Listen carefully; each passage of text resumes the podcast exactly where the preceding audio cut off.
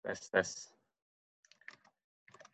Um, ya, selamat datang semuanya di PPI Berlin Brandenburg Webinar Series episode pertama kita.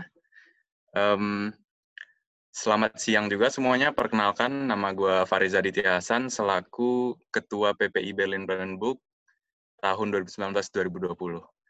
Um, di sini tentunya gue mau pertama-tama ngucapin terima kasih kepada seluruh peserta yang telah hadir um, dan juga kepada seluruh panitia yang telah mempersiapkan acara ini tentunya.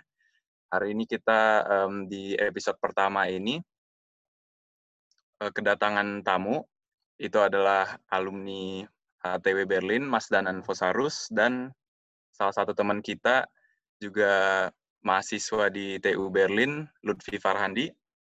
Um, di sini gue selaku ketua PPI Berlin mau jelasin sedikit uh, background acara webinar series ini. Kita di Berlin ini di Jerman, um, pelajar-pelajarnya uh, punya ide.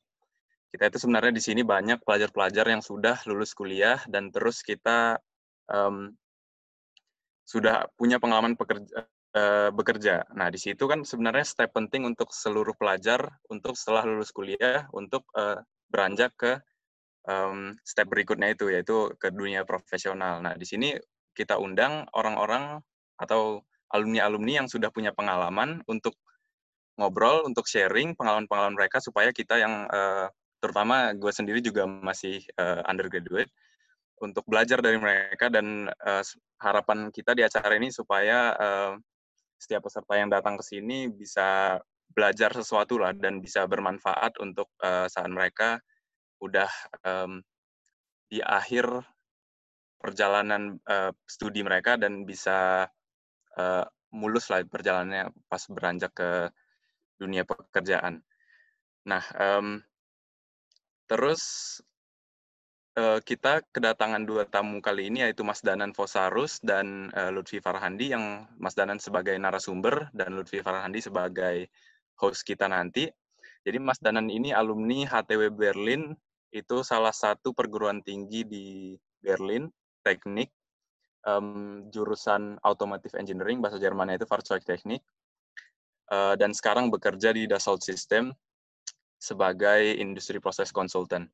Dan uh, Lutfi Farhandi ini juga adalah uh, mahasiswa di TU Berlin, Technische Universität Berlin, salah satu universitas teknik di Berlin, dan kebetulan jurusannya juga uh, sama, uh, Fahrzeugtechnik uh, atau automotive engineering. Jadi di sini kita senarionya punya ada seniornya dan ada juniornya. Jadi uh, Lutfi sebagai host bisa nanya pertanyaan yang sesuai bidang uh, Mas Danan dan Lutfi juga.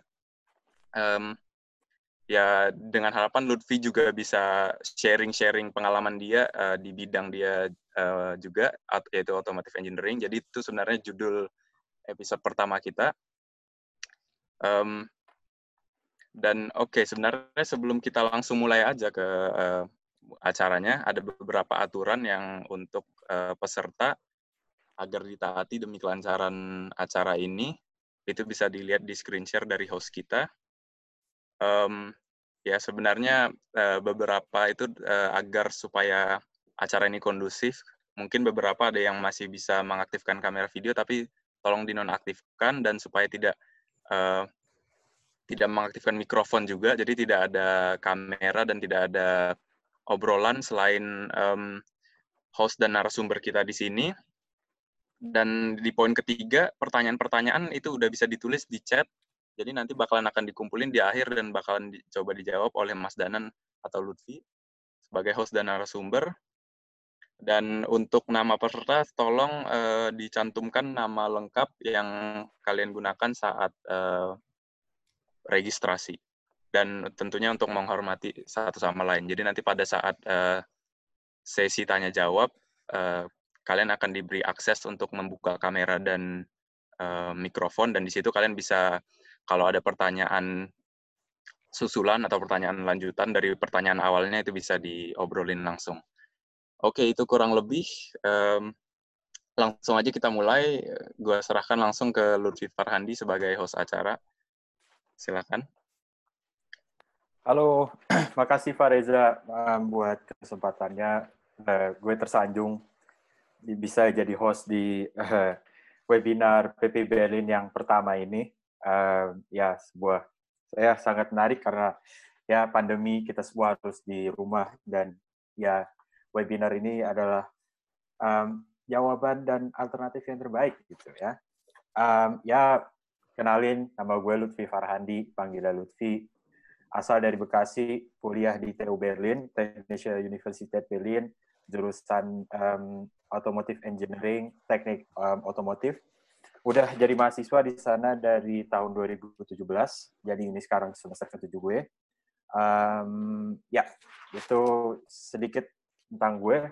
Dan harusnya sekarang kita tahu lebih lanjut sama um, narasumber kita, teman kita, teman gue juga, ini Mas Danan Fosarus. Halo Mas Danan. Halo Upi, halo teman-teman. Gimana Mas? Baik kabar? Sehat, Pi. Sehat. Ah. Gimana? Sehat juga. Oh iya, untung. Di rumah aja ya? Di rumah. Ah, iya, nice. nggak bisa. Um, ya, jadi Mas Danan tuh dulu tuh gimana sih kuliah di mana? Apa uh, kuliahnya kayak gitu? Oke. Okay. Sip, uh, mungkin gue perkenalan diri sebentar ya, Pi ya. oh ya, buat teman-teman, uh, Upi ini teman gue. Pak tulisannya Lutfi, cuman gue panggilnya Upi. Jadi nanti sepanjang obrolan ini, kalau gue ngomong Upi, Upi, Upi, itu maksudnya Lutfi. Upi, ya. Gitu. Uh, gue coba share screen sedikit. Uh, kayak. Keren, keren. Oke, siap. Oke, teman-teman, uh, terima kasih udah join di uh, acara ngobrol-ngobrol uh, PPI Berlin ini. Perkenalkan, nama gue Danan Fosarus. Gue dulu sekolah uh, S1 di Berlin, di HTW Berlin, Hochschule für Technik und Wirtschaft, jurusan Automotive Engineering. Gue kuliah dari tahun 2008 sampai 2012 Asal gue dari Jakarta, dulu gue sekolahnya di SMA Lab School Kebayoran. Sesudah gue selesai uh, kuliah, gue uh, memulai kerja di perusahaan namanya SFTech GmbH di Berlin sebagai project engineer. Terus kemudian ada akuisisi di perusahaan ini diambil alih oleh Dassault System. Jadi gue ikutan masuk ke corporate besar yang namanya Dassault System selain alumni HTW Berlin, gue juga alumni PPI Berlin. Ikutan di PPI Berlin dari tahun 2000, 2007. 2007 mulai kenal nama PPI Berlin, mulai aktif berarti 2008 sampai 2012. Dulu namanya PPI Berlin, belum PPI Berlin Brandenburg, tapi cakupannya dulu pun sudah Berlin Brandenburg. Namanya aja yang beda. Begitu. Terus uh, kalau teman-teman mau cari gue di uh, sosial media, uh, di LinkedIn aja. Namanya Danan Fosarus. Harusnya cuma satu ya namanya Danan Fosarus. Ah, wah sama nih. Gue jadi, jadi kepengen promosi diri. Ya, gue juga ada di LinkedIn namanya Lutfi Farhan juga. Siap. Eh, Oke. Okay.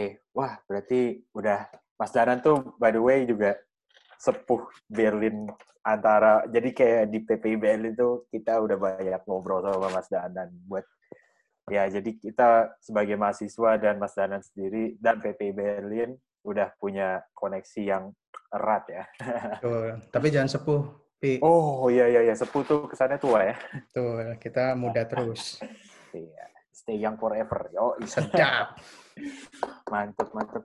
Um, itu tadi kan um, sempat ngomongin juga tuh uh, sekarang kerja di Dassault Systems. Betul. Itu apa sih kerjanya apa atau ya apa sih bisa dikasih tahu nggak apa sih sebenarnya yang Mas kerjain?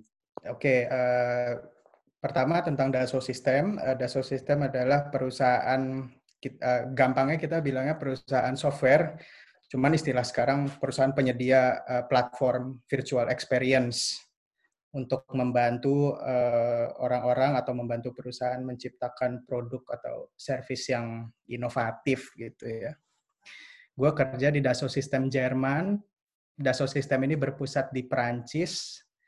Uh, jumlah karyawannya di seluruh dunia kurang lebih 17 ribu ada di banyak negara. Uh, titik beratnya itu di uh, bidang uh, virtual simulasi gitu.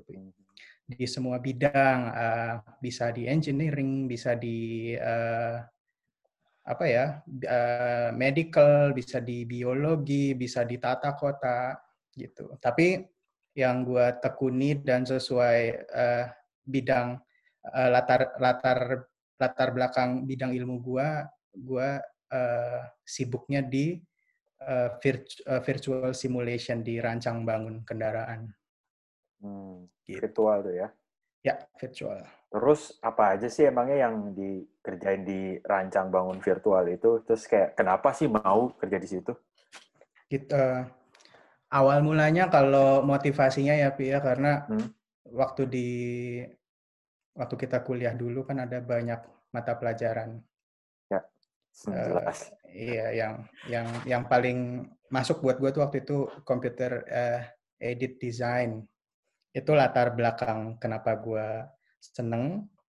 Terus yang menarik dari apa namanya virtual simulation di rancangan bangun kendaraan ini kita bisa ikut serta dalam apa namanya studi dan pengembangan suatu mobil mhm. dari tahap awalnya gitu loh. Jadi terus orang orang orang nanya kan buat apa sih uh, mobil itu harus apa namanya kenapa kenapa harus dijalankan apa namanya virtual simulation itu buat hmm, mobil-mobil kan tinggal dibangun aja pasang ban nyetir yes, gitu. Jadi ceritanya latar belakangnya kalau gue boleh uh, ceritain secara umum. Jadi untuk mobil itu sebelum dia bisa dijual ke pengguna akhir ke masyarakat, dia, dia itu harus memenuhi standar-standar keamanan dan keselamatan tertentu gitu, Pi.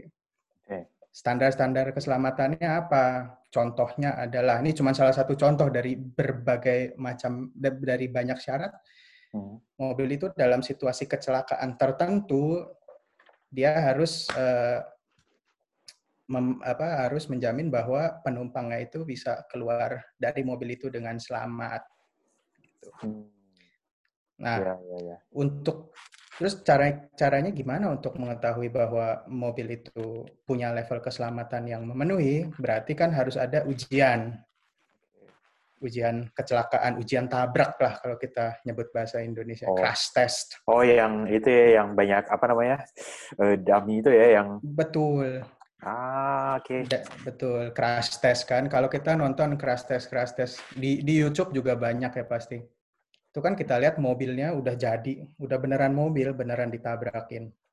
Mm -hmm. Nah, di situ kelihatan apakah apa dia lulus ujian atau enggak. Tapi kalau kita lihat lagi, pada saat pengembangan mobil, pada saat fasenya ya, fase pengembangan awal, kan yeah. kalau harus bikin mobil utuh terus ditabrakin, pasti kan mahal. Yeah. Dan yang di, yang ditabrakin juga bukan di depan doang kan, ada tabrak depan, tabrak belakang, tabrak yeah. samping, dibulak-balik, ditiban. Tabrak depan aja ada tabrak depan frontal, tabrak belakang mereng dikit, mereng dikit. Dari atas juga ada kan tuh? Betul, Pi. Aha, Jadi untuk apa namanya uh, faktor ekonomis hmm. dan seiring dengan berjalan seiring dengan perkembangan teknologi komputer, maka semuanya itu dikerjakan digitalisasi. Betul, ah. virtual. Jadi semua simulasi itu dibikin virtual sehingga kita pun bisa memulai studi itu di fase awal banget pi. Bukan hmm, bukan hmm, hmm. ketika semuanya udah lengkap ya semuanya ya. udah udah pasti ini pasti posisinya di sini. Jadi kita kalau kalau developing mobil udah gampang aja. Misalkan kita mau bikin mobil merek apa merek binatang. Nggak boleh nyebut merek ya. Mobil merek toke toke toke tahun iya toke tahun 2025 mulainya gimana ya? Lihat aja dari toke yang udah jalan di sekarang itu, kita ambil, terus dilihat persyaratannya apa aja buat toke 2025. Oh, berarti ruang kakinya harus lebih luas. Oh, oh posisi mengemudi harus lebih lurus, lebih enak. Nah, dari persyaratan-persyaratan baru kita bisa masukin semua itu apa namanya di di di model virtual kita. Okay. Jadi meskipun belum lengkap persyaratannya kita udah bisa lebih dulu uh, menjalankan virtual simulation itu. Bebas mau simulasi crash, mau simulasi macam-macam kenyamanan, simulasi hmm. daya tahan dan itu bertahap gitu. Oke, okay. tadi tadi kayak um, sempat ngomongin tentang crash-crash itu ya. Jadi kayak sebenarnya tuh kenapa penting sih sebenarnya buat uh, memperhitungkan crash ini di fase sebelum produksi, pre-produksi dan bahkan itu jatuhnya berarti pre prototipe ya. Pre-development kalau ah, pre-development ya. Kenapa sih itu penting banget? Ya penting di di developmentnya aja itu diujikan juga sebelum development yang kayak gue bilang tadi dengan dengan apa namanya start point yang sederhana kita juga bisa udah mulai ujian itu. Kenapa penting? Ya karena di mobil ini nanti bukan cuma jadi gambar ditaruh di bingkai, Pi. Mobil ini beneran dibikin secara fisik. Ada mesinnya di situ. Ya. Dan dipakai dan dipakai uh, oleh masyarakat gitu, Pi. Hmm, jadi jadi banyak. Benar. Jadi dibalik dibalik semua teknologi di dalam mobil itu harus diperhitungkan apa namanya uh, bahayanya bagaimana, manfaatnya gimana. Hmm, bener sih bahaya juga ya. Tapi kalau misalkan gue tuh gue tuh nggak nggak kebayang asli. Jadi kayak uh, kebetulan nih ngomongin kuliah gue juga. Hmm. Uh, sem sekitar semester kemarin itu uh, gue uh, syukur ada jadi di kampus gue itu ada uh, apa ya namanya? Ada tempat di mana ada crash test beneran. Jadi ada mobilnya dimasukin orang-orangan ditabrakin beneran. Wah itu ngeri banget ya kalau misalkan kalau misalkan salah kenapa-napa um, bisa matinya parah gitu ya. Benar, benar, Pi. Benar. Maka, gak, kebayang itu. Kayak berapa itu ya uh, apa namanya dayanya yang bisa apa namanya ngebunuh kita kan? Bi, iya, Pi.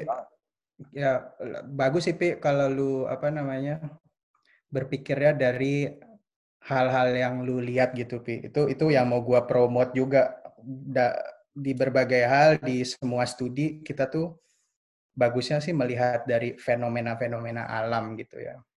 Hmm. Kenapa kayak lu bilang tadi sebahaya apa sih orang nyetir di dalam mobil kan? Kan kita kan di dalam kurungan besi ada kaca, hmm. terkurung lah, aman harusnya. Masa ditabrak berbahaya gitu kan? Nah sebenarnya kalau kalau kita runut lagi nih kalau gua boleh masuk ke apa namanya mata pelajaran yang kita pernah belajar deh misalkan mata pelajaran fisika gitu ya itu kan kita ngomongin energi ya, Pi ya. Hmm. Ngomongin energi. Seberapa bahayakah? Bukan jangan kita bilang bahaya deh. Seberapa besar energi yang harus kita kontrol? Hmm. Hmm. Energi yang terkontrol itu kan berarti kita bisa arahkan kapan energi itu mau jalan, kapan harus keluar, kapan harus uh, nggak keluar, arahnya ke mana gitu. Oke. Okay. Jadi gue cerita ya boleh ya dikasih waktu ya. Oh iya jelas misalkan contoh ini ini gue juga bukan bukan menciptakan bu, bukan menemukan penjelasan ini sendiri ya gue juga nonton nonton jadi situasi mobil yang ber, yang sedang berjalan itu taruhlah mobil itu berjalan 60 60 km per jam ya. Mm 10 km per jam lebih kenceng daripada uh, batas keamanan menyetir di dalam kota. Biasanya 50 km per jam ini misalkan mobil itu 60 km per jam mm dikemudikan berapa seberapa bahaya kah atau seberapa energi yang ada di dalam mobil ini. Itu bisa dihitung. Dulu waktu kita masih SMA belajar fisika ada energi E sama dengan setengah mv kuadrat. Ya, uh, energi kinetik. Iya, benar. Setengah mv kuadrat. M-nya, eh, V-nya kita punya tuh, 60 km hmm. per jam. Kan 60 km per jam dikuadratin. Kuadratin. Dijadiin meter per second. M-nya kita punya mobil apa rata-rata dua ton dah kita hmm. taruh dua ton kita hitung tuh berarti energi dari mobil yang berjalan 60 km per jam tuh seberapa banyak gue udah bikin contekan 280 kilojoule. Wih, itu gue nggak bisa bayangin tuh seapaan sih. Itu cuma angka 28 sama 0. Bener, 280 kilojoule. Terus orang nanya lagi, Nan, 280 kilojoule, angka apa? Angka timbangan atau apa? Nah, Terus kita kita sebagai apa namanya engineer harus bisa memberikan kesan gitu 280 kilojoule tuh kesannya tuh kayak apa?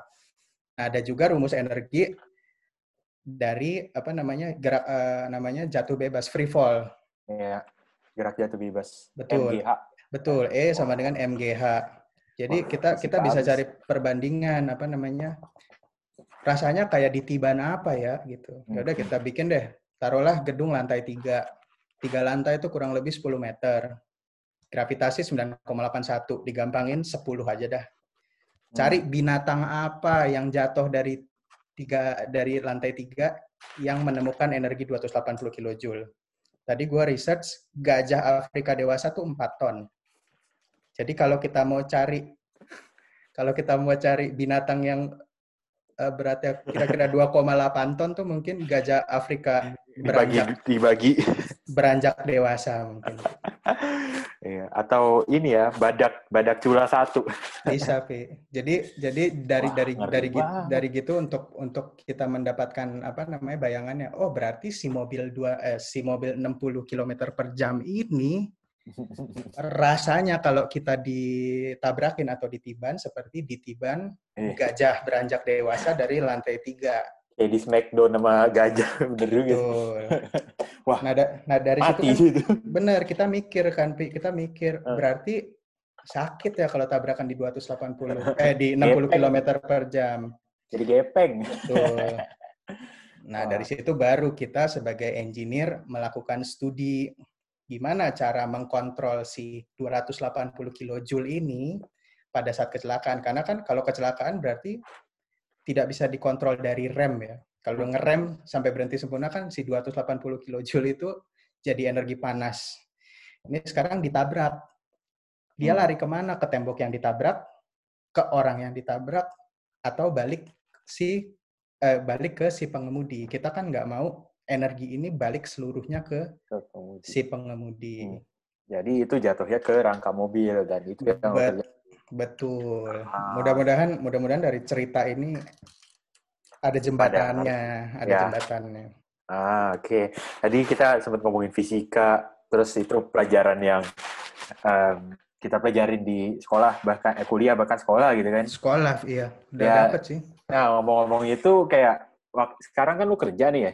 Siap. Kayak, seberapa banyak sih yang lu bawa ilmu dari kuliah atau bahkan sekolah ke kerjaan sekarang? Seberapa relevan gitu? Oke, okay. eh, mungkin lu pernah dengar juga ya, Pi, orang-orang suka bilang, uh, waktu lu kerja nanti, ilmu yang lu pakai dari kuliah tuh cuma 20%. Nah, gitu. iya, itu sering banget. Gitu.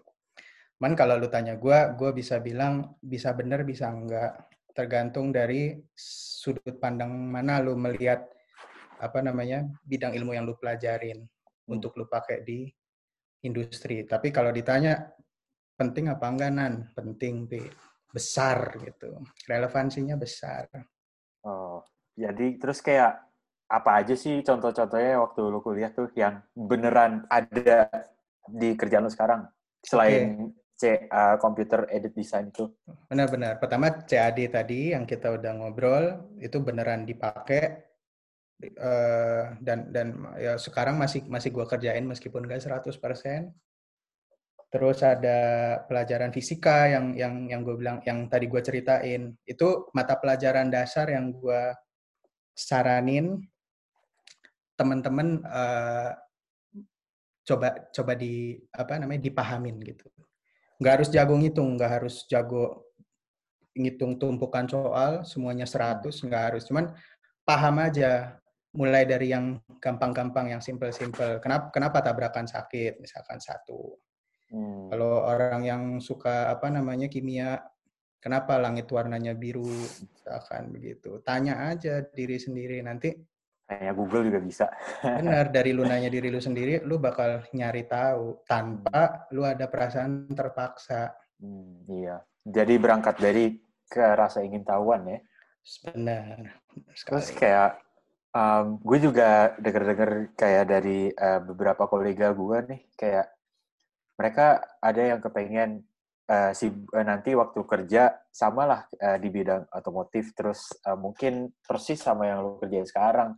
Tapi contohnya mereka tuh kurang kuat di fisika atau uh, di uh, pakai software yang buat desain-desain ini mereka gaptek lah ceritanya.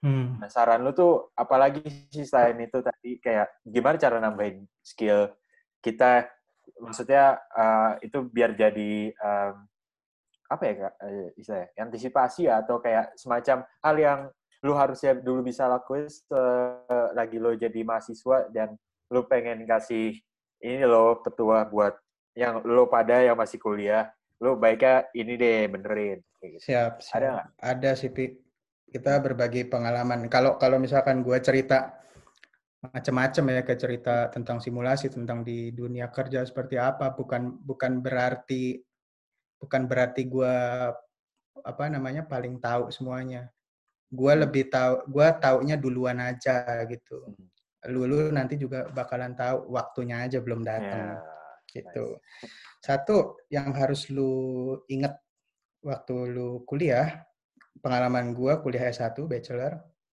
mhm. Kuliah itu membentuk pola pikir. Pola itu kuliah itu membentuk pola pikir lu karena di dunia kuliah lu setiap hari akan dipertemukan dengan masalah. Hmm. Masalah-masalah yang terukur. Dan itu harus lu pecahkan. Jadi lu kalau misalkan setiap setiap setiap hari waktu lu masih di di di kehidupan kuliah lu semuanya ada masalah, ada ujian, ada tugas, lu jangan apa namanya jangan mengeluh boleh sih cuman jangan dibawa berhari-hari. Mengeluh satu hari tuh boleh lu nikmatin aja. Tapi jangan dibawa berhari-hari.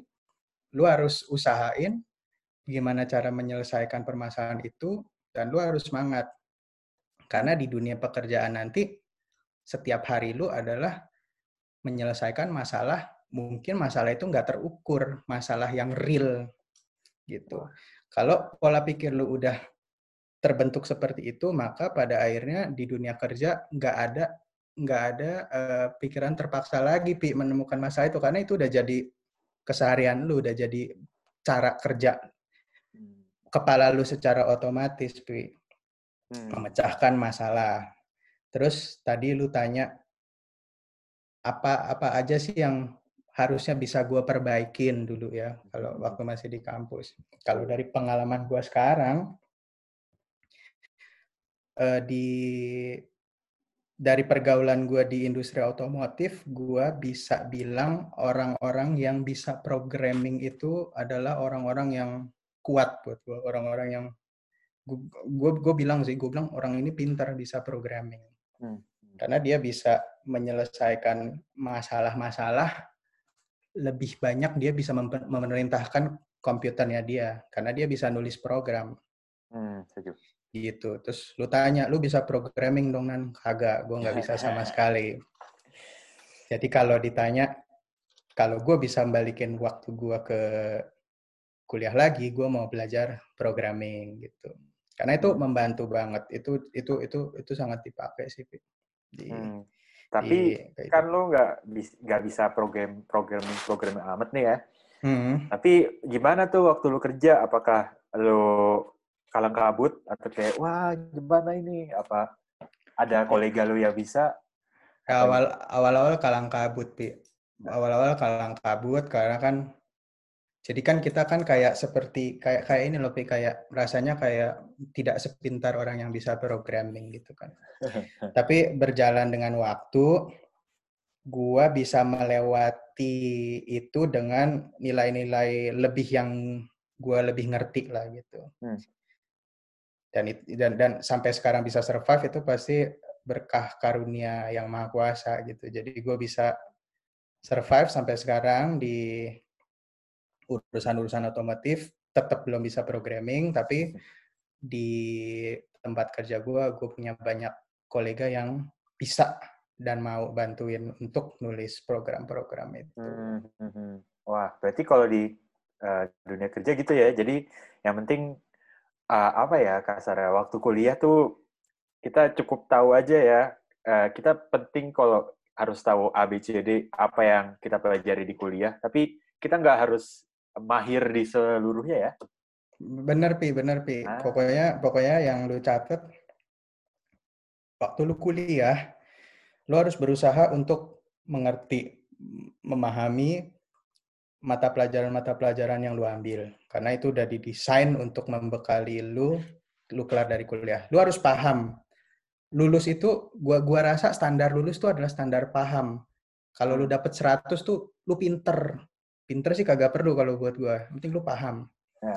Jadi yang penting lu paham semuanya yang lu yang lu pelajarin dan lu nggak harus master di semuanya. Lu masterin 1 2 3 deh yang bisa lu pakai Yang keseluruhan. yang kita seneng aja ya. Bener, yang lu suka, yang bener-bener lu suka. Karena nggak ada yang gampang dari yang kita pelajarin, Pi. Cuman kalau kita Bukan suka, belajar, betul. Cuman kalau kita emang udah suka, udah tertarik, jadinya kita ngejar sendiri, Pi. Nah, nah, jadi lebih natural ya, pengen tahu ya. Sepakat. Oh, sekarang kita ngomongin lu deh. eh, sekarang udah kerja. Kan tadi kita ngomongin kuliahan. Sekarang Siap. kita, gue pengen tahu deh. Lu gimana sih bisa dapat kerjaan yang sekarang gitu? Oke, eh, biasanya orang-orang pada mulai kerja ketika udah selesai kuliah gitu kan, Pi. Selesai Hmm. kuliah, masuk ke industri. Kalau gue mungkin ceritanya bukan yang selesai kuliah masuk ke industri, tapi gue mulai dari magang. Oh, wah, Jadi magang. wak- waktu semester-semester terakhir di kuliah gue, itu ada wajib magang. Hmm, hmm. wajib magang di perusahaan. Nah, itu gue cari-cari, gue kirim-kirim lamaran yang banyak. Banyak yang Nolak. banyak, banyak yang nolak, banyak yang nggak ngewaro. Ya, gitu. sama lah ya. Ya, dan nyangkut di sini dan juga sesuai sama apa yang apa yang gue yang saat itu gue pikir gue ngerti nih gitu. Oh ini tentang Hmm. cat-cat gue ngerti. Ternyata pas masuk beda gitu kan. Hmm. tapi tapi di dalam situ kurang lebih banyak banyak apa kemiripan kemiripan dan gue bisa belajar cepet di situ jadi gue mulainya dari magang beberapa bulan sesudah magang gue ngomong ke eh, atasan gue bahwa gue pengen nulis bukan belum full time dulu pi Oh, oh iya, nulis bachelor thesis dulu Ah, skripsi skripsi, skripsi, bener. Gue pengen nulis skripsi karena kan kita kalau di sini ada pilihan. Kamu mau nulis skripsi di mana? Mau nulis sama profesor, mau nulis di perusahaan, atau kamu berfantasi sendiri menciptakan masalah terus kamu pecahkan gitu. Nah, gua gua ambil yang nulis skripsi di perusahaan dan di perusahaan pun dibilang, ya udah lu membayang-bayangkan aja lu bisa apa ada permasalahan apa di di perusahaan kita ini dan kira-kira apa yang mau coba lu pelajari dan lu pecahkan Hmm, hmm. gitu. Oh, Jadi gua selesai bachelor eh, tesis di sekolah eh di perusahaan ini. Terus waktu itu gue sesudah itu udah siap-siap kasih lamaran lagi. Siapa tahu habis bachelor tesis terus gue didadahin kan dah udah ya selesai. Gitu. Iya. Terus gue datang lagi ke kantor. Eh, ya udah ternyata di diajak untuk tetap tinggal di situ Wah, dan sampai sekarang gue masih ada di perusahaan yang sama meskipun Nice, udah diambil alih gue cuman masih di perusahaan yang sama orangnya bosnya masih sama ya. bosnya jadi- udah beda sih Oh, oh iya, udah dibeli sama yang bosnya Gitu. udah iya. Ah iya iya. Tapi berarti em, secara umum ya cara masuknya ya kalau nggak koneksi ca- coba-coba terus gak sih?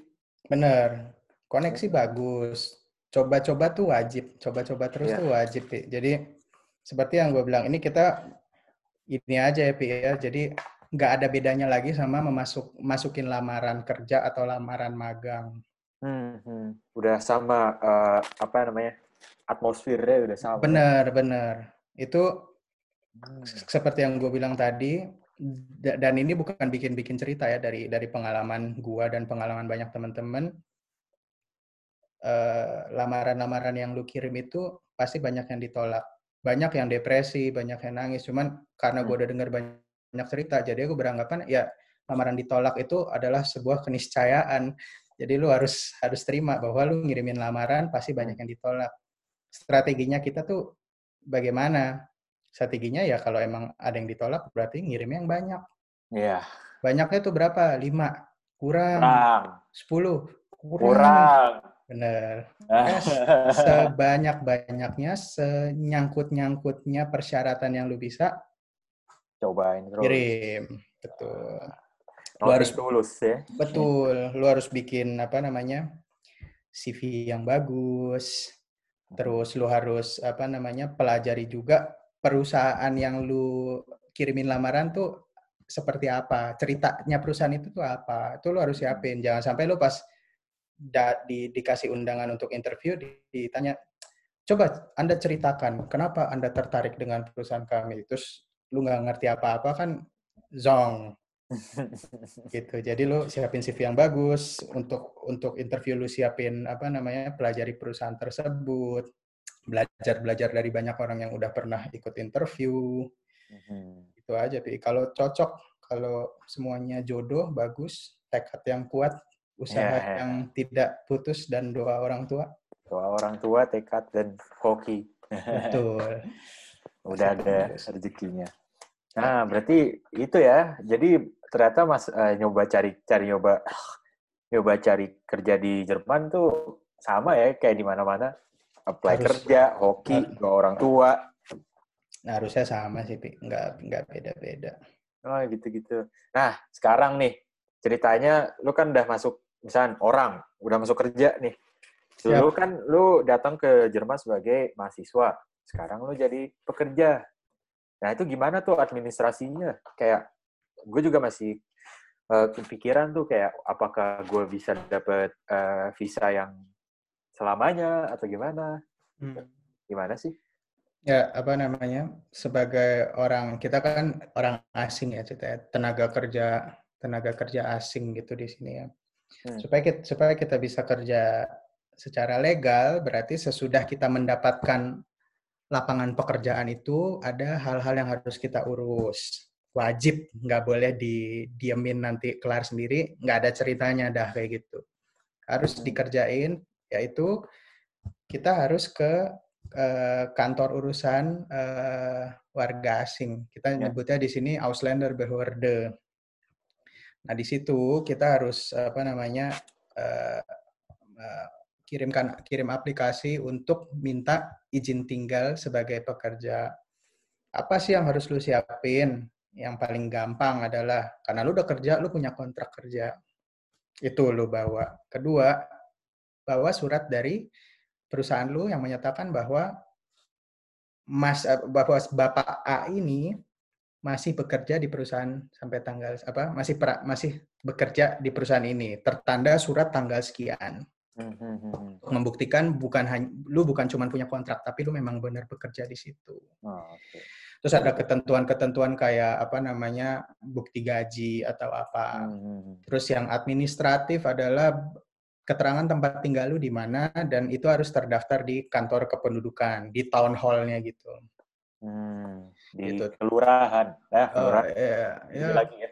ya benar kayak Di Indonesia deh kantor lurah doang. Gue inget tuh, gue ambil KTP di situ. Ba- balai kota namanya balai kota. Ah iya, kalau di sini balik kota. Ya, Ah. terus eh, lu lu siapin apa namanya kayak bukti asuransi lu untuk Hmm. untuk untuk apa namanya membuktikan bahwa lu punya asuransi di sini. Hmm. Dan beberapa surat lain, formulir-formulir lain yang bisa Anda dapatkan di websitenya Ausländerbehörde itu. Gampang kok, semuanya semuanya ditulis jelas gitu. Syarat dan apa aja yang harus lu kerjain tuh ditulis jelas. Kalau banyak ya karena itu jelas. Hmm, hmm, hmm. Oke. Gitu. Dan- Lu udah dapet situ, udah lu berarti bisa tinggal di Jerman, bisa kerja legal. Oh, oke. Berarti kasarannya lumayan gampang ya dapat atau ngurusnya itu kedengarannya ribet tapi ribet gak sih sebenarnya? Ya enggak sih, Pi. Maksudnya yang gampang gue juga dengar dengar cerita ada beberapa teman yang diurusin sama perusahaannya Hmm. gitu. Jadi dia cuman ngasih surat nanti perusahaan yang yang urus. Itu kan gampang banget. Tapi Iya, iya. gua sebagai orang yang ngurus sendiri menurut gua pun gampang, Pi.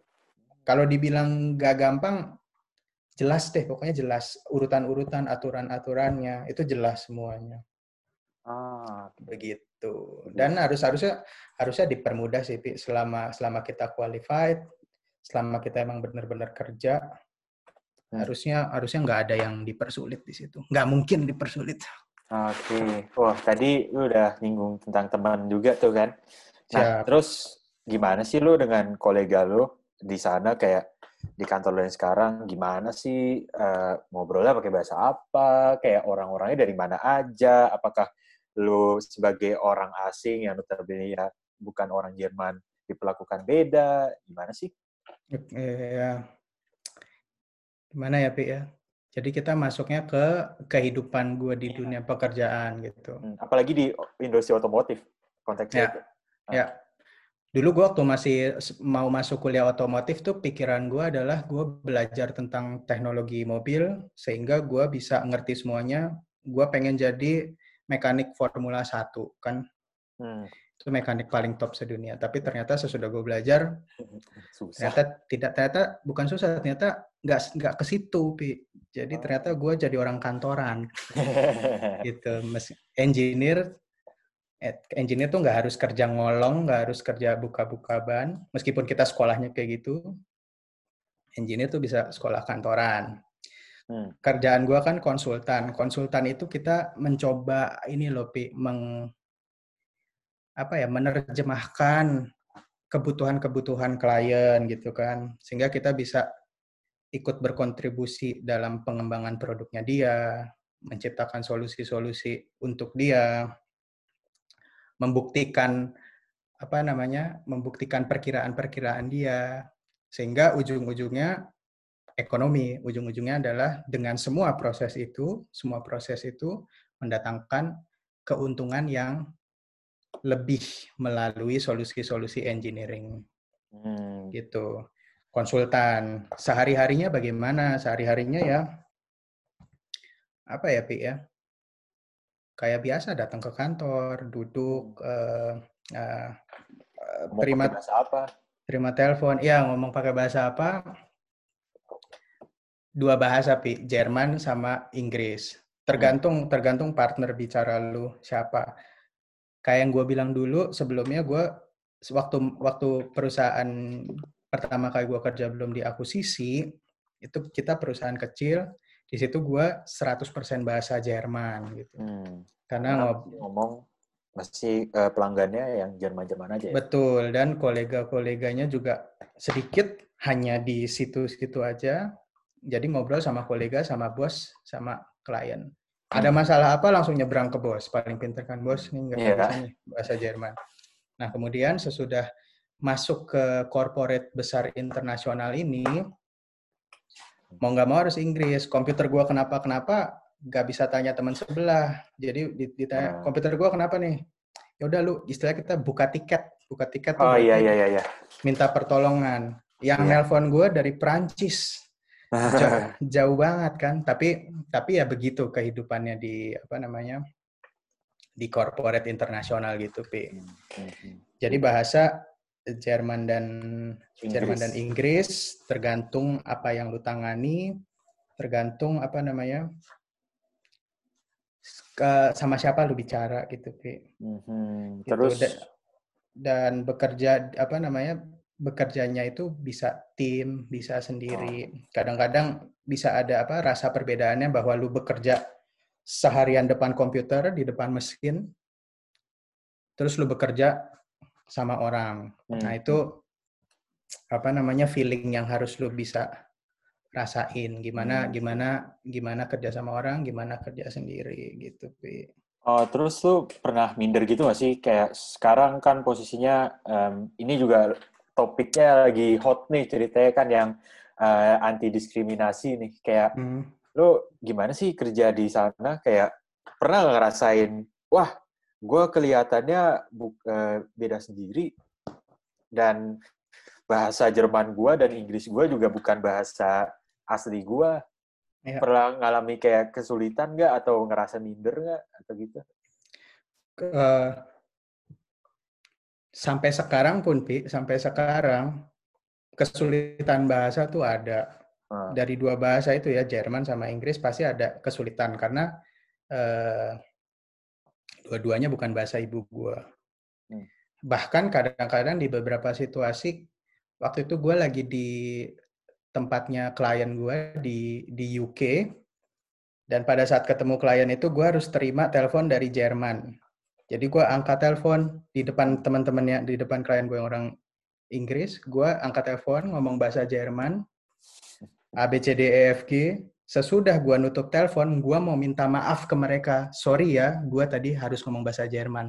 Tapi gue minta maaf ya pakai bahasa Jerman. gitu, Pi. Yeah. Jadi, jadi apa namanya? Masalah bahasa itu nggak nggak mungkin terlepas dari dari dari kita ya. Cuman kalau gue boleh cerita ke lu dengan segala keterbatasan bahasa, menurut apa dari pengalaman gue semua semuanya masih bisa berfungsi dengan baik bukan berfungsi yang dipaksa-paksain ya berfungsi dengan baik berjalan bisa dimengerti bisa menghasilkan suatu nilai lebih dan akhirnya kalau dari sisi proyek ya bisa diminta lagi gitu jadi hmm. Nggak perlu minder nggak perlu nggak perlu apa namanya kayak nggak berani gitu pi hmm, hmm. kurang bahasa emang kurang cuman ya semua orang pasti punya keterbatasan ya Hmm. jalanin aja kalau menurut gue ya. Dan uh, urusan apa kayak yang lagi hangat sekarang usura, urusan tentang hal-hal yang rasis. Sejauh ini di pengalaman gue, gue nggak pernah mengalami di industri otomotif. Mungkin kalau gue mengalami, mungkin gak gue masukin ke dalam hati gitu. Ah. Jadinya kayak buat gue sendiri sambil lalu gitu. Oke, okay. tapi itu harusnya gue bisa beranggapan berarti uh, industri otomotif tuh dia kan global, berarti harusnya dia nggak nggak mandang ini kan. Iya, Pi. Itu. Wah, itu sepakat gue, sepakat gue. Betul. Tapi berarti itu bisa jadi bekal buat gue juga nanti uh, kalau misalkan gue mau terjun lebih dalam ke sana lagi, gue nggak perlu minder ya. Nggak perlu, Pi. Intinya kan intinya kan cuman komunikasi sama pergaulan aja, Pi. Yang hmm. penting lu masuk ke suatu tempat lu jangan diem, lu jangan duduk. Hari-hari pertama lu mulai kerja, lu jangan bawa makanan dari rumah, Pi. Kenapa gitu? Bawa. Jadi be jadi begitu lu duduk, jam istirahat diajak oh, mereka pergi iya. makan yuk. Lu harus ikut. Betul, Karena betul. awal waktu awal-awal kerja lu tuh waktu yang menentukan tahun-tahun ke depan gimana lu bisa kerja bareng dengan tim itu di perusahaan itu. Jadi kalau saran gue hari-hari pertama nggak usah bawa makan deh, tinggalin rumah lu tuh ditinggalin, nggak usah ada yang dibawa. Dan coba bergaul sama mereka, cari tahu mereka kerjanya gimana, ngobrolnya bagaimana. Nanti itu akan kebentuk sendiri, Pi. Hmm, Resepnya. Dan, dan mereka pasti welcome ya? Pastilah. Ya selama kita nggak aneh-aneh sih. Kita kan kita kan santai semua. Iya, betul, betul. Nah, uh, gue kepengen diskusi nih tentang ya. tadi kan kita sempat nyinggung hot topik ya, topik hangat. Ngomong-ngomong topik hangat nih, gue pengen tahu deh uh, dari sisi kerjaan lo atau uh, secara umum di industri otomotif kayak apa sih sekarang yang lagi getol dilakuin di industri otomotif? Apa atau mungkin yang lu sendiri lagi getol lakuin gitu? Kayak inovasinya apa? uh, ya pas pasti pasti pasti lu semua udah tahu yang yang lagi hot di industri otomotif tuh ada apa elektrifikasi penggerak mobil. Jadi kayak eh, jadi kita bilangnya mobil baterai. Hmm. terus apa namanya mobil otonom yang ada autopilotnya. Sama apa ya sekarang-sekarang ini ada kayak model transportasi baru gitu. cuman itu sih dalam diskusi ya. Tapi yang hot banget tuh elektrifikasi sama mobil otonom. Hmm, hmm, hmm, hmm. terus kayak apa hubungannya gitu sama yang lo kerjain sekarang? Ada uh, ada. Cuman kalau kita ngomong apa elektrifikasi mobil kita kan berarti ngomong baterai ya pi ya. Yeah. Uh, kalau lu nanya gue, gue berarti lu ngerti baterai dong nan? Enggak, gue sama sekali nggak ngerti. Baterai itu buat gue adalah baterai disambungin kalau gue cetek nyala gitu. Gue cuman hmm. sampai di situ. Tapi kalau kita ngomongin baterai dari apa simulasi rancang bangun kendaraan, berarti ada suatu desain baru atau penyesuaian desain dalam dalam rancang bangun kendaraan. Di mana tadinya nggak ada baterai yang besar seperti itu, kita harus memasukkan si baterai itu ke dalam mobil. Mobil. Taruh, taruhlah ditaruh di kolong atau taruh di bagasi. Mhm. Ketika dia taruh di kolong atau ditaruh di bagasi, efeknya apa pada saat kecelakaan nanti gitu? Hmm. Apakah baterai itu akan bocor? Apakah baterai itu akan merangsak masuk ke ruang penumpang? Apakah ja- jalur-jalur baterai itu akan masuk ke struktur sehingga menyetrum orang yang di dalam? Aha. Atau apakah kita bisa bi- mempelajari struktur sehingga pada saat terjadi kecelakaan, baterai yang ada di kolong mobil itu tetap tetap apa namanya bertahan di situ, Mhm. tetap terlindungi dan tidak ada deformasi sama sekali. Itu yang penting. Hmm. Nah, yang gua Berarti- ker- yang gua kerjain dari dari apa eh, studi strukturnya itu. Cuman kalau gua cerita tentang apa namanya studi struktur kendaraan, gua nggak kerja sendiri gitu. Jadi bukan bukan berarti gua paham semuanya. Gua gue cuman bantuin deh paku kecil dalam gambar yang besar itu. Ah, oke. Wah, tapi itu menarik sih. Maksudnya itu lagi hot topic juga kan. Dan gue Menarik banget kok, Pi. menarik. kebetulan gue juga karena gue masih kuliah dan ada em, kebetulan juga si eh, mata kuliah itu ada setiap semester tuh yang selalu baru gitu. Dan semester kemarin gue baru eh, ngambil modul, ngambil mata kuliah tentang si mobil elektrik ini. Jadi gimana pengaruhnya dia, baterai spesifiknya baterai sama keselamatan mobil. Nah, itu menarik banget. Kayak Iya. ada em, ada desain rangka tertentu atau mungkin baterainya yang diubah. Keren. Betul, sih. betul, betul, Pi. Hmm, oke. Wah, udah ini nggak kerasa kita udah ngobrol 45 menit lebih. Sekarang saatnya gua eh, bacain eh, pertanyaan dari teman-teman nih. Kelihatannya banyak yang menarik.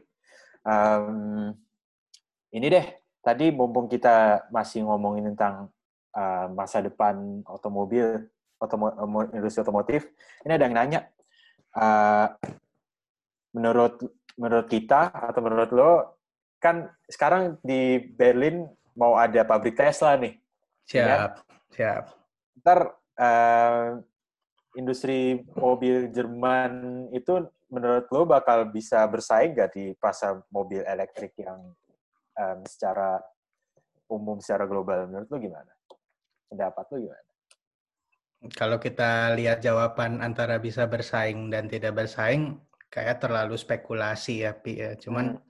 kalau gua lihat sebagai pengamat ya, bukan sebagai orang yang ngerti dalam-dalamnya sebagai pengamat, sebenarnya industri otomotif di Jerman pun juga punya keunggulan-keunggulan di bidang elektrifikasi kendaraan. Mhm, mhm.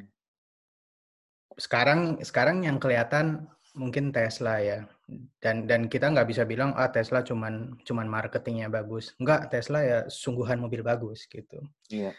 Tapi tapi kalau kalau dari sudut pandang gue ya ketika ada apa namanya pemain baru yang ternyata bukan main-main, pemain baru yang mainnya bagus, berarti itu akan membangkitkan persaingan. Persaingan itu yang diuntungkan siapa? Yang diuntungkan adalah kon- konsumen. Mhm. Karena dengan adanya persaingan, dari persaingan itu akan ada produk mencuat satu yang paling bagus. Kalau cuma ada satu pemain, konsumen akan dikasih satu produk yang begitu-begitu aja. Itu monopoli makanya. Makanya kalau Hmm. kalau gue lihat dengan dengan Tesla mau di sini, apakah nanti kalah saing? Gue rasa enggak. Gue rasa gue rasa pasti pasti ada ada persaingan yang bagus, persaingan yang sehat dan akan memicu apa namanya mempercepat perkembangan apa namanya teknologi-teknologi mutakhir di dunia otomotif. Iya sih, bener. Gue juga kebetulan eh, ceritanya, jadi tahun lalu itu ada eh, apa namanya eh, pameran mobil di Jerman yang setiap dua tahun itu eh, Frankfurt Auto Show. Gue ke sana kebetulan. Terus di sana gue lihat bener-bener semua perusahaan mobil mereka majang paling nggak ada, sa- ada satu mobil yang dari listrik. Menurut gue kayak wah ini bener sih nanti di masa depan ini uh, persaingannya tuh bukan cuma Tesla, mungkin Tesla tuh yang kita lihat karena mereka pionir, bener nggak? Ya, kalau kita ngomong pionir enggak juga ya. Akhir abad 19 tuh udah ada mobil listrik. Mobil mobil tuh awal-awalnya baterai, Pi. Ah. Oh enggak, maksud gue pionir yang pionir uh, yang menghidupkan lagi. Ya, mereka tuh setahu gue dengan si Tesla Roadster itu perusahaan pertama yang um, men apa sih saya menjual secara umum si mobil listrik dari ya. situ kan. Terus kayak sekarang kalau gue lihat lagi um, banyak banget uh, ternyata bukan cuma Tesla dan pilihannya juga ternyata banyak uh, mobil bahkan Renault dan bahkan Volkswagen atau banyaklah merek-merek yang di luar sana yang uh, istilahnya murah uh, terjangkau murah sih enggak terjangkau dan ya dan jadi kayak bener yang lo bilang persaingannya bakal jadi sama lagi.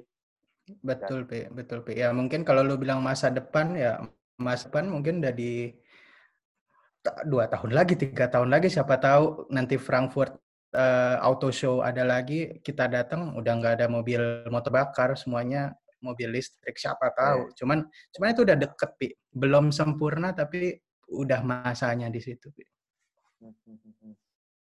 Tapi, um, oh, yang nanya ini ternyata si ini teman kita, Bayu. Ah, sedap. Ah, Bayu Haji. Mantap. Ya, tadi gitu. Uh, tapi ini sebenarnya gue masih pengen ngebahas pertanyaan ini lagi gitu kayak hmm. dia nanyanya tuh kayak mobil Jerman sama mobil Jerman sendiri itu belum ada kelihatan nggak sih sebenarnya di pasar di pasar global di mobil listrik ini menurut lu gimana? Yo, pertanyaannya susah sih. Cuman ya ya kalau kalau kalau kita lihat dari ini aja ya dari dari dari dari pasar ya. Kalau ditanya mobil listrik apa sih Tesla, gitu kan? Aha, mobil ya. mobil listrik ya, mobil listrik yang murah apa sih? Rono, Rono Zoe itu murah. Renault. Ya. Oh, itu baca Rono. Oh, eh, gue tahu. Gua sosokan aja, Pi. Kan nggak ada yang bisa juga. Ya kan lu kan lu kerja di perusahaan ini Prancis. Iya. Udah tahu. Iya, Rono Rono Zoe oh, itu oh. itu yang terjangkau apa uh, jarak tempuhnya tinggi. Mungkin mungkin mobil Jerman itu sesungguhnya udah banyak mobil listrik cuman mungkin masih mahal. Hmm. Gitu aja. Tapi tapi pengembangannya ke arah listrik semua sih. Jadi jadi mungkin ini kayak N apa bukan ya kayak apa namanya uh, jalur akhir gitu kayak sisa-sisa motor bakar. Mungkin dalam beberapa tahun ke depan kita bakal lihat mobil listrik. Hmm, okay. sebagai mainstream ya mobil listrik jadi mainstream. Jadi jadi itu cepat atau lambat Tesla bakal banyak saingan ya? Beneran, nah, beneran. itu gue sepakat. Nah oke. Okay.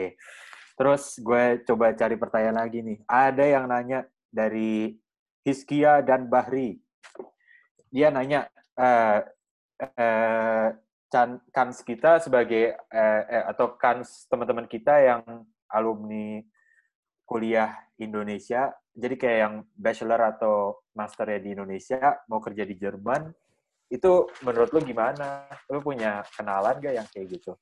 Gua ada beberapa kenalan kok, uh, teman-teman Indonesia yang kuliahnya di Indonesia, terus dapat kerja di sini. Hmm, okay. Jadi jadi jadi bukan hal yang mewah dan mustahil. Hmm. Ada kemungkinan itu dan dan kebijakan yang sekarang kan justru uh, Jerman itu perlu tenaga-tenaga ahli di berbagai bidang, misalkan di apa namanya natural natural science, terus di di engineering, di IT, di kedokteran, jadi gua rasa gua rasa sih kesempatannya terbuka buat semua. Siapa yang bisa mendapatkan kesempatan itu adalah yang banyak cari tahu. Yang banyak cari tahu dan hoki ya. Berarti yeah. kayak kembali yang tadi lo bilang bahasa dan asal darah bukan bukan halangan ya. Bukan, bukan. Cuman keberuntungan dan niat. Ya. Ya niat sih, Pi. Niat, niat sih. Niat, Keber, ke, niat. Ke, keberuntungan harusnya dibagi rata sih. setuju, setuju itu. Siapa yang ngejar dapat, siapa yang diem-diem aja ya dapatnya ntar sisanya. Uh, iya. You get what you give, yo. ah, sedap. Ah, mantap, mantap. Uh, wah, masih banyak pertanyaan nih. Uh, jadi tadi gue sempat nanya tentang kuliah-kuliahan kan tadi ada yang dua. Ini ada yang nanya nih dari teman kita Febru. Hai Febru. Uh, lebih baik mana kuliah S2 cepat tapi sedikit pengalaman, apa kuliahnya santai tapi pengalaman banyak? Lebih banyak apa nih maksudnya nih? Lebih uh, lebih lebih baik pengalaman. Pengalamannya, let's say mungkin uh, konteksnya kerja hmm. magang, karena kan uh, banyak yang, contohnya gue sendiri uh, kebetulan gue sekarang kerja sebagai uh, apa ya bahasa Indonesia ya? Bahasa Inggrisnya apprentice, gue juga nggak tahu bahasa Inggrisnya. Apprenticeship, apprentice. Nah itulah. Jadi sebagai mahasiswa yang bekerja Nah, itu ya. itu gimana? Lebih baik. Jadi kasarnya mending cepat kelar kuliah apa lama tapi ke mana-mana itu? Kalau saran gue proporsional aja sih, Pi. Uh, lebih banyak kerja atau atau kuliah cepat kelar. Gua gua orang yang mendukung mahasiswa untuk sembari dia masih di kampus juga udah masuk ke industri. Hmm. hmm. Jadi kerja cari kerja yang relevan sama bidang ilmu yang dia pelajarin. Oke. Okay, gitu. Dan dan tapi harus tetap punya target kelulusan gitu, Pi. Oke. Okay. Jangan sampai juga lu sekolahnya cepat kelar tapi nggak punya apa pengalaman kerja. Atau lebih parahnya lagi, lu sekolah cepat kelar tinggi lagi, tapi nggak punya pengalaman di industri. Itu sayang karena di di sisi company nanti mereka dapat nih ijazah lu nih, lamaran kerja, UPI, S-nya banyak nih. Berarti S-nya banyak. S-nya banyak kan tabel gajinya tinggi. Di ujung banget tuh. Gajinya yeah. tinggi, pengalaman kerja belum ada. Baru gimana nih? Harus bayar banyak, tapi beresiko. Oh. Tapi kalau semuanya proporsional, UPI, S1, wah sempat hampir nggak lulus nih. Wah ini panjang nih. Iya. Cuman cuman warna lu bagus tuh di CV itu. Mhm. Pernah kerja di sini, kerja dari apa aja? Pengalaman pekerjaan pertama di sini, kerja sini, jadi magang di sini. Ini ini ini ini. Itu jadi pertimbangan gitu. Berarti kandidat ini punya pengalaman di perusahaan, kandidat ini punya pengalaman di industri yang dia lamar ini. Kandidat ini punya pengalaman di skill-skill yang dia tulis ini karena terbukti dari tempat dia pernah magang. Berarti kasarnya kalau gitu yang gue tangkap adalah ada nilai ekstra yang nggak bisa didapat di kuliahan ya, dan Sungguh. jauh lebih berharga dibanding apa yang kita belajar secara formal akademis, bener nggak? Bener, bener. Pengalaman gue sendiri ya, waktu gue ngelamar kerja, kebetulan bos gue tuh bos gue tuh beneran baik, orangnya sangat manusiawi dan dia apa kebetulan dia dokter terus dia lihat apa namanya transkrip nilai gue gue di kuliah tuh bukan bukan bukan anak yang superior. Diadu boleh dah cuman nggak pinter-pinter banget gitu gue tanya sama dia lu kalau nil lihat nilai gue tuh gimana ini tuh nggak penting bahkan dia tuh nanya ya nah ini kenapa nilai lu seperti ini gue pikir dia mau nolak atau mau apa dia cuma pengen tahu ceritanya gimana sampai nilainya seperti ini untuk tahu situasi apa yang waktu itu gue hadapin tapi hmm. yang yang dia lihat lebih adalah kemauan dan si pengalaman-pengalaman itu di kampus itu pernah ngerjain apa. Oke. Okay. Berarti kalau lu banyak yang banyak lu kerjain kan berarti pengalaman lu banyak, pergaulan lu juga banyak. Itu sih yang nilai plus ya. Lebih berharga ya. Ya, membantu banget dah gitu. Ya, ya, ya. Wah, wah itu oke. Okay. Bisa buat pribadi gue juga nih, lumayan. Oke, okay, Karena, siap. Ya deh kita cari lagi nih pertanyaan. Um, mungkin masih seputar kuliah dan kerja sama dari Febru. Ah, jadi ini dia nanya, apakah dalam dunia kerja pekerja luar negeri memiliki hak yang sama, memiliki hak yang sama dengan orang Jerman? Ya, jawabannya Jelas. jawabannya ya. Jelas. Titik. Jawabannya benar jawabannya titik nggak pakai nggak pakai tapi harus bin nggak jawabannya hak pekerja di mana-mana sama. Oh, oke. Okay. Ya, gitu. Profesional ya. Profesional. Jadi kalau misalkan uh, mereka nggak dapat uh, hak yang sama, itu salah yang ngasih kerja. Uh, mungkin salah sendiri, Pi. Mungkin salah sendiri. Jadi misalkan gini ya, apa? Uh, gua taruhlah gua orang asli sini, lu orang Indonesia. Hmm. Terus lu ngelamar kerja di posisi yang sama. Ternyata belakangan lu baru lu gue ceritain pi gaji lu berapa? Sekian kak. Lah pi gaji gue segini. Terus lu bersedih hati, wah jangan-jangan karena gue orang asing nih jadi begini.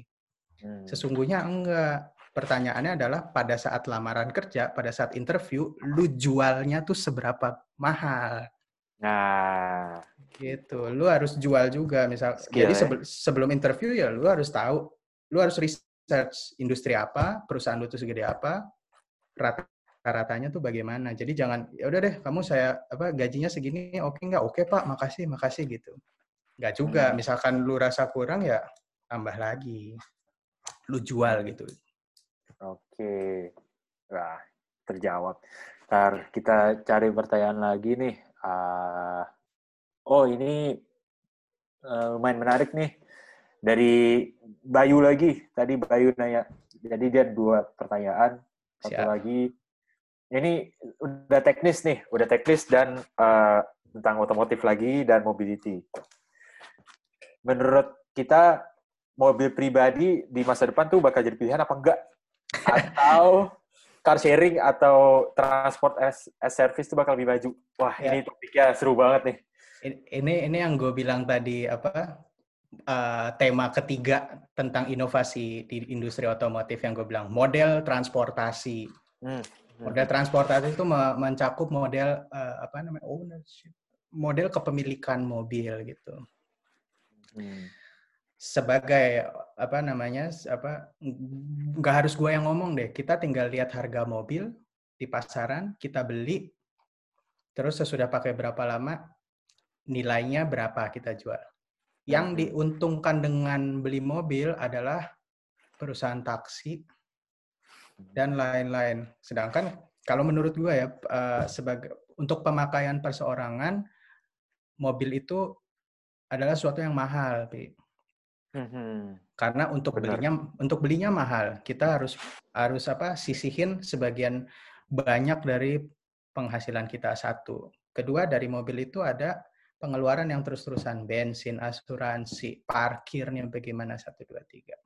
Mm-hmm. Model transportasi yang sekarang udah ada untuk alternatif mobil ya di luar dari kendaraan umum, di luar dari kereta bis adalah car sharing. Mhm, Car sharing itu berarti kita hanya bayar sesuai pemakaian. Ya, betul. Untuk perkotaan, untuk perkotaan gue lihat itu adalah yang paling optimal. Karena satu kita nggak pakai mobil setiap hari, kan? Kedua parkir susah. Lain, pi ceritanya kalau kita tinggal di daerah pinggiran gitu. Nah, ya, itu. daerah daerah pinggiran yang kendaraan umumnya nggak banyak. Nah itu uh hitung-hitungannya lain lagi, Pi. Mobil itu setiap hari bisa jalan 100 km satu jalan, bolak-balik 200 km. Hmm. Pada saat umur mobil itu udah tua, yang harganya udah nggak bisa dikoreksi lagi, harganya udah fix segitu. Hmm. Performa mobil itu juga udah habis. Berarti kita udah memakai seluruh nilai, hampir seluruh nilai mobil itu sehingga harga jualnya setara dengan apa yang kita dapatkan. Tapi kalau yeah. kita tinggal di kota cuman buat keren-kerenan apa malam minggu mobil masuk lagi sesudah berapa tahun harga mobil udah di bawah segitu padahal mobil kita secara teknis masih muda. Mm-hmm. Kagak nolong pi, tetap harganya segitu. Masih mahal. Hmm. Ya, tapi tapi, tapi di luar apa yang gua ngomongin ini kalau lu punya kalau lu punya uang yang lebih kalau lu emang pengen kenapa enggak? Ya beli aja. Nah, beli mobil. Iya. Itu kan salah satu motivasi beli mobil kan juga pride ya. Jadi Betul. ya dan menurut gue gue juga bisa berpendapat nih kayak yang gue pelajarin juga yang karena gue gue dari tadi bawa apa yang gue pelajari di kampus karena gue pelajar jadi ada eh, faktor buat ini semua buat mobility itu ada faktor sosial, teknologi, uh, ekonomi, ekologi, sama politik kan. Dan ini semua tuh uh, jadi berkesinambungan dan dan dari situ kita bisa mikir kayak apakah nanti di masa depan uh, apa yang bakal jadi teknologi selanjutnya yang bakal termutakhir atau terefisien kan. Betul. Juga itu diskusinya panjang banget ya. dan nggak cuman nggak kelar sehari. Bahkan itu yang namanya Future Mobility Summit itu ada gitu kayak. Ya. Dan itu di mana-mana. Betul. Dan ya itu itu itu bakal jadi topik yang ya. menarik sih. Dan kedua konteksnya juga buka, eh, mungkin itu bisa diaplikasikan di kota-kota besar dan maju di Eropa karena kebanyakan tata kota Eropa kan kayak gini ya. Eropa, eh, orang tinggal di kota, terus kalau nggak tinggal di kota di pedesaan dan mereka butuh mobil. Gimana kalau orang yang di eh, kita katakanlah di Amerika Selatan atau di Asia Tenggara yang struktur kotanya kayak gitu. Hmm. Gak usah jauh-jauh di Jakarta aja Cocok gak kayak gitu? ya, itu, itu se semua inovasi ya berkaitan berkaitan dengan apa faktor-faktor yang lain ya Pi ya. Jadi kita nggak bisa bilang misalkan model model mobilitas yang baru ini, model transportasi yang baru ini cocok di A atau B. Enggak enggak enggak apa enggak harus selalu begitu. Jadi semuanya mengikuti pas apa namanya infrastrukturnya atau apa. Kayak kita ngomong mobil baterai DP. Mhm. Ngomong mobil baterai apa sih nggak cocoknya? Ya udah deh, semua orang wajib beli mobil listrik. Terus semua orang parkir mobil listrik di rumahnya malam-malam jam 10, janjian 1, 2, 3, colok bareng yuk, baterainya yuk, jelep, gelap itu kota. Jadi semuanya harus berkesinambungan dari industri otomotifnya bergeraknya ke mana, dari dari dari industri energi pembangkit listrik itu harus bergerak yang gimana, fasilitasnya harus sejalan, baterai itu menciptakannya gimana supaya ramah lingkungan, bagaimana. Kayak kalau mobilitas model baru, misalkan uh, fasilitas transportasi umumnya menyesuaikan nggak gitu. Jadi kalau selama selama yang satu nggak gerak, ya kita cuma bilang nggak cocok, nggak bisa cocok. Tapi kalau semuanya berkesinambungan, berkaitan satu sama lain, pasti pasti ya. cocok. Mau di ya. kota apa aja pasti cocok. Setuju. Sepakat. Sepakat. Oke. Wah, kayaknya kita butuh uh, kita bisa um, ini satu pertanyaan lagi kayaknya. Ya, ini mungkin pertanyaan penutup. Tentang, ah, udah mau udah mau habis. Iya, nggak kerasa. Okay. Ini tentang kerja-kerjaan lagi. Mungkin Siap. ini uh, lo bisa jawab lah ya. Gimana sih struktur hierarki di tempat kerja dan gimana cara naik naik tingkat di sana? Dan hmm. apakah ada hubungannya kalau lu punya jenjang uh, pendidikan yang lebih? Struktur hierarki dulu ya pertama ya. Struktur ya. hierarki di di mungkin di setiap perusahaan beda. Cuman yang gue ceritain di pengalaman gue, struktur hierarki itu ada ada apa namanya manajer yang membawahi tim, ada tim member yang nggak punya tim. Hierarki itu ada, tapi semuanya itu egalit, Pi. Jadi hmm. bukan bukan bukan berarti yang di atas tuh kayak datang lu kerjaan ini, kerjaan kerjaan ini. Semuanya punya fungsi masing-masing. Semuanya partner kerja yang selevel gitu, setara semuanya mendukung satu sama lain. Jadi gampangnya kayak gua tim member, lu tim manager, gua merip, gua melapor semuanya ke lu. Gua kerjain semua yang kewajiban gue dengan baik sampai selesai, sampai bagus. Tanggung jawab lu adalah memperhatikan dan memenuhi kebutuhan-kebutuhan gue di kantor. Kebutuhannya apa sih? Gue perlu alat ini, perlu perangkat ini, gue harus pergi ke mana, gua perlu gaji, lu yang harus memperjuangkan. Hmm. Kalau emang kalau emang uh, prestasi kita bagus, pertama gaji bisa naik. Bagus terus dipertimbangkan. Oh, berarti dia bisa ngajarin yang lain-lain, berarti dia bisa jadi tim lead. Hmm. Terus lu bisa mengatur semua semua yang itu berarti lu bisa jadi manajer bertahap gitu loh pi hmm, hmm, hmm, tapi nggak nggak ujuk-ujuk dari awal langsung der der der der ya gitu. jelas dan gitu hubungannya sama jenjang kuliah lu nggak terlalu ya berarti atau gimana ya gue kuliah gue kan kuliah S1 pi ya.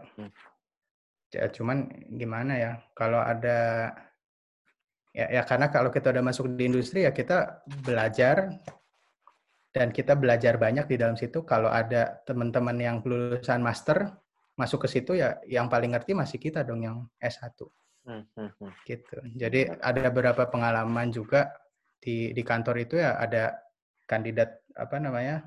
kandidat eh, rekan kerja yang baru lulusan master ya ya kita harus membimbing dia ah. memberikan instruksi satu dua tiga apa apa semua jadi jadi lulusan apa tuh bukan patokan mm-hmm.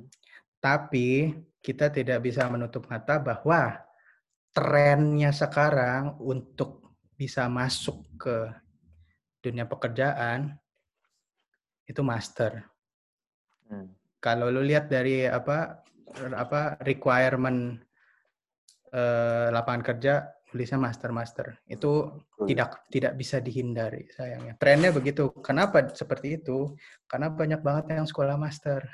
Oh. sehingga pasar tenaga kerjanya isinya master semua sekarang. Jadi nggak usah master. Nggak nggak gitu juga. Iya iya iya.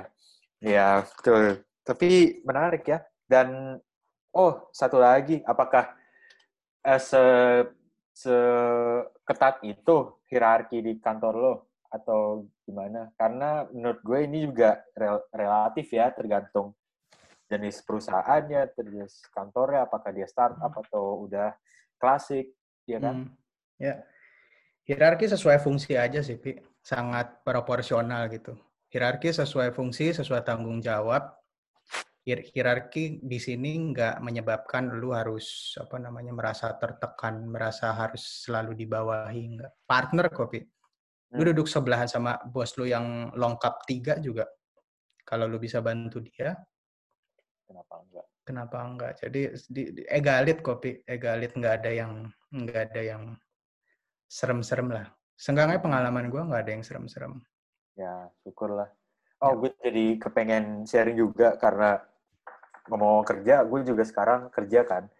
Uh, jadi gue kerja, ya tadi udah gue bilang gue kerja sebagai student dan kebetulan perusahaan itu startup dan kemarin uh, kita gue sama Mas Dana sempat ngobrol pakai telepon kayak ngomongin tentang kerjaan kayak, wah gue kerja di startup nih. Terus Mas Dana ngasih tau gue, wah kalau di startup tuh enak pi, lo bisa bereksplorasi sebanyak-banyak mungkin. Jadi kayak yang gue tahu dari situ benar karena struktur hierarki emang ada, tapi karena atmosfer startup itu nggak seketat itu, ya kan? Dan berarti balik lagi ya tergantung juga sama orang-orang yang di situ lagi, apakah mereka sangat saklek atau enggak. Betul, betul. Nah, oke. Oke, ya udah sih itu sepertinya kita ada satu pertanyaan lagi tapi sepertinya kita tidak udah nggak bisa ini lagi udah nggak udah nggak boleh ya ya udah nggak cukup waktunya udah mau iya. kelar nih okay. di kontraknya kayak gitu uh, oke okay. ya udahlah kalau gitu sebelum gue akhiri ini um, gue bisa kasih kesimpulan lah ya dari diskusi gue sama Mas Danan tadi ya.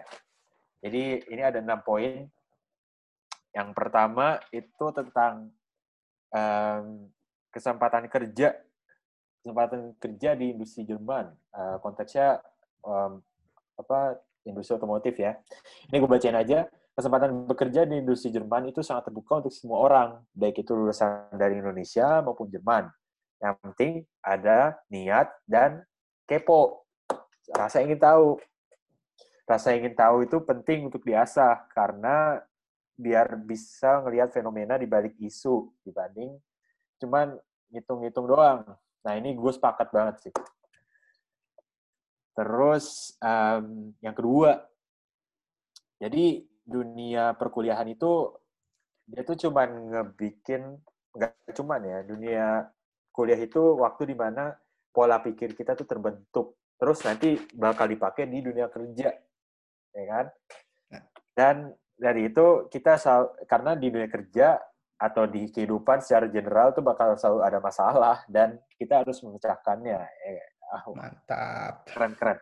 Terus uh, kalau di konteksnya dunia kerja sendiri itu masalahnya itu yang masalah yang muncul tuh masalah yang real dan nggak terukur. Jadi kalau udah biasa apa namanya udah udah biasa problem solving berarti nanti kasarnya kerja udah lancar karena udah sering uh, menyelesaikan masalah itu sendiri. Jadi skill problem solving itu yang sebenarnya penting. Ya. Bisa karena biasa. Ah, shake. Ah, siap. Terus yang ketiga uh, buat CV. Nah, CV kan. CV itu kalau kita mau apply kerja terus kita ngirim CV itu baiknya CV itu yang menarik, yang bagus. Terus kayak sebelum kita mau apply juga kita kudu cerita apa sih yang jadi perusahaan yang kita mau lamar tuh apa sih sebenarnya? Uh, itu penting. Habis itu baru kita apply sebanyak-banyaknya. Jadi uh, kita banyak gak usah nyerah. Kalau ditolak ya ya udah lah ya. Pasti bakal ada penolakan gitu kan. Dan ya itu terus juga magang. Magang juga penting tuh. Magang itu lumayan penting buat CV kita dan juga buat pengalaman kita hidup dan masuk kerja juga. Kayak Mas Danan Mas Danan masuk kuliah eh sorry masuk kerja karena magang. Dan dari maksudnya yang dari kerjaan dia sekarang itu karena magang dan itu pengalamannya banyak. Terus yang keempat tadi ini tadi barusan banget kita ngomongin tentang uh, perusahaan struktur hierarki di Jerman. Dia itu uh, bentuknya tuh egalit, persamaan. Dia tuh sesuai fungsi sama proporsionalnya dan nggak terlalu bertingkat ya biarpun ada pimpinan, staff, tapi kalau misalnya performa kita uh, memuaskan dan berkemampuan, ya kita bisa leveling ya kasarnya sih. Berkarir. Um, ya berkarir, uh, ya benar. Ya dan itu ada tahap ya, pelan-pelan. Semua itu nggak langsung, boom, gue mau jadi bos, nggak. Namanya juga kerja. Terus yang kelima, tentang di otomotif itu uh, bahasa yang dipakai itu uh, secara umum adalah Inggris karena itu bahasa global dan Jerman karena kita di Jerman dan kebetulan juga banyak perusahaan mobil yang di Jerman dan itu juga tergantung sama siapa kita ngobrolnya kayak tadi contohnya lo ngobrol sama klien di Inggris ngomongnya bahasa Inggris bukan bahasa Jerman ya pun kalau misalkan kita sebagai orang yang nggak mahir-mahir amat bahasanya, kita nggak usah minder, ya kan? Nah, itu. Terus pun di dunia kerja yang di otomotif eh, industri otomotif sendiri itu seharusnya tidak ada yang dis, tidak ada diskriminasi karena kalau misalkan ada pun itu tidak profesional.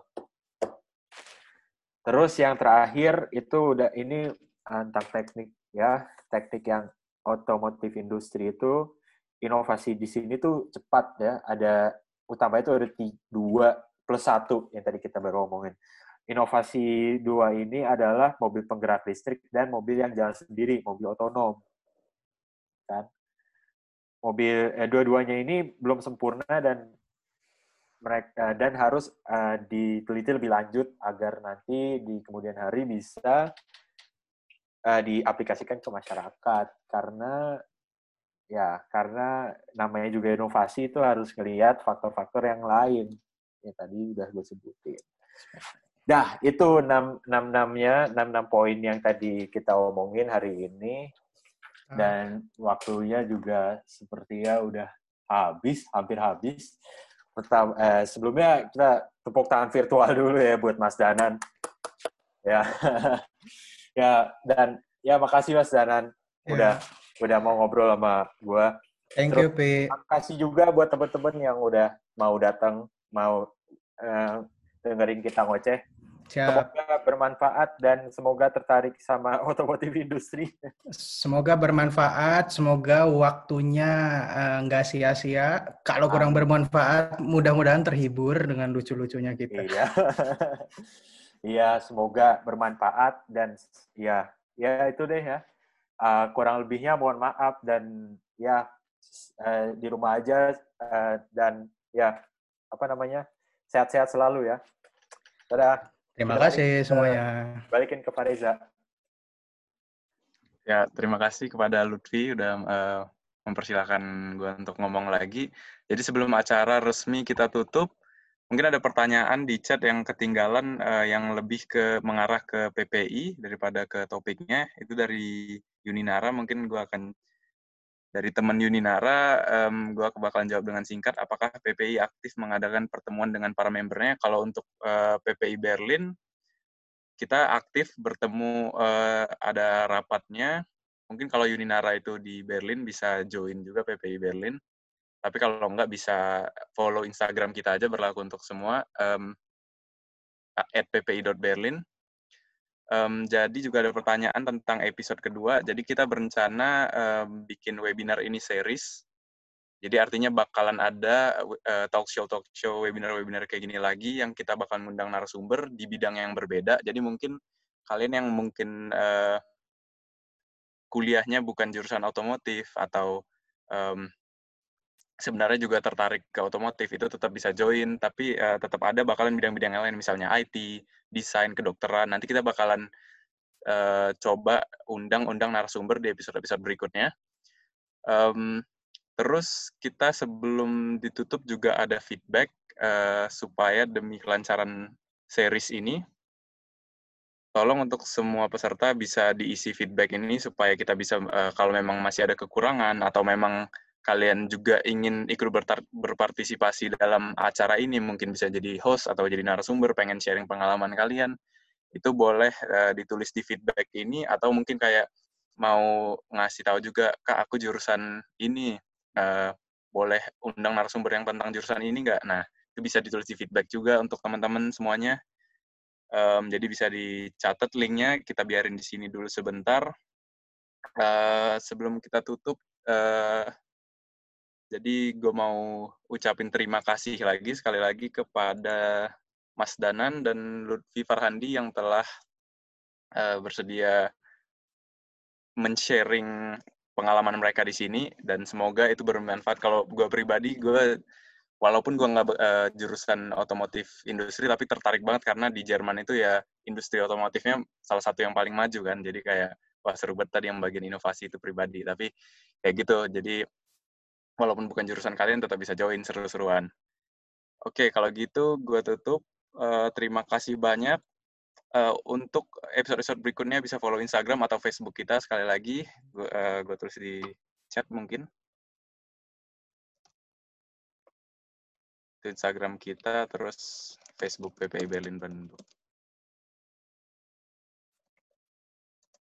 dan di situ kita bakalan update uh, untuk semua sebenarnya semua acara-acara PPI Berlin dan juga acara webinar series ini kalau memang kita adain episode episode-episode berikutnya yang bisa ditunggu. Oke, terima kasih semua. Wassalam.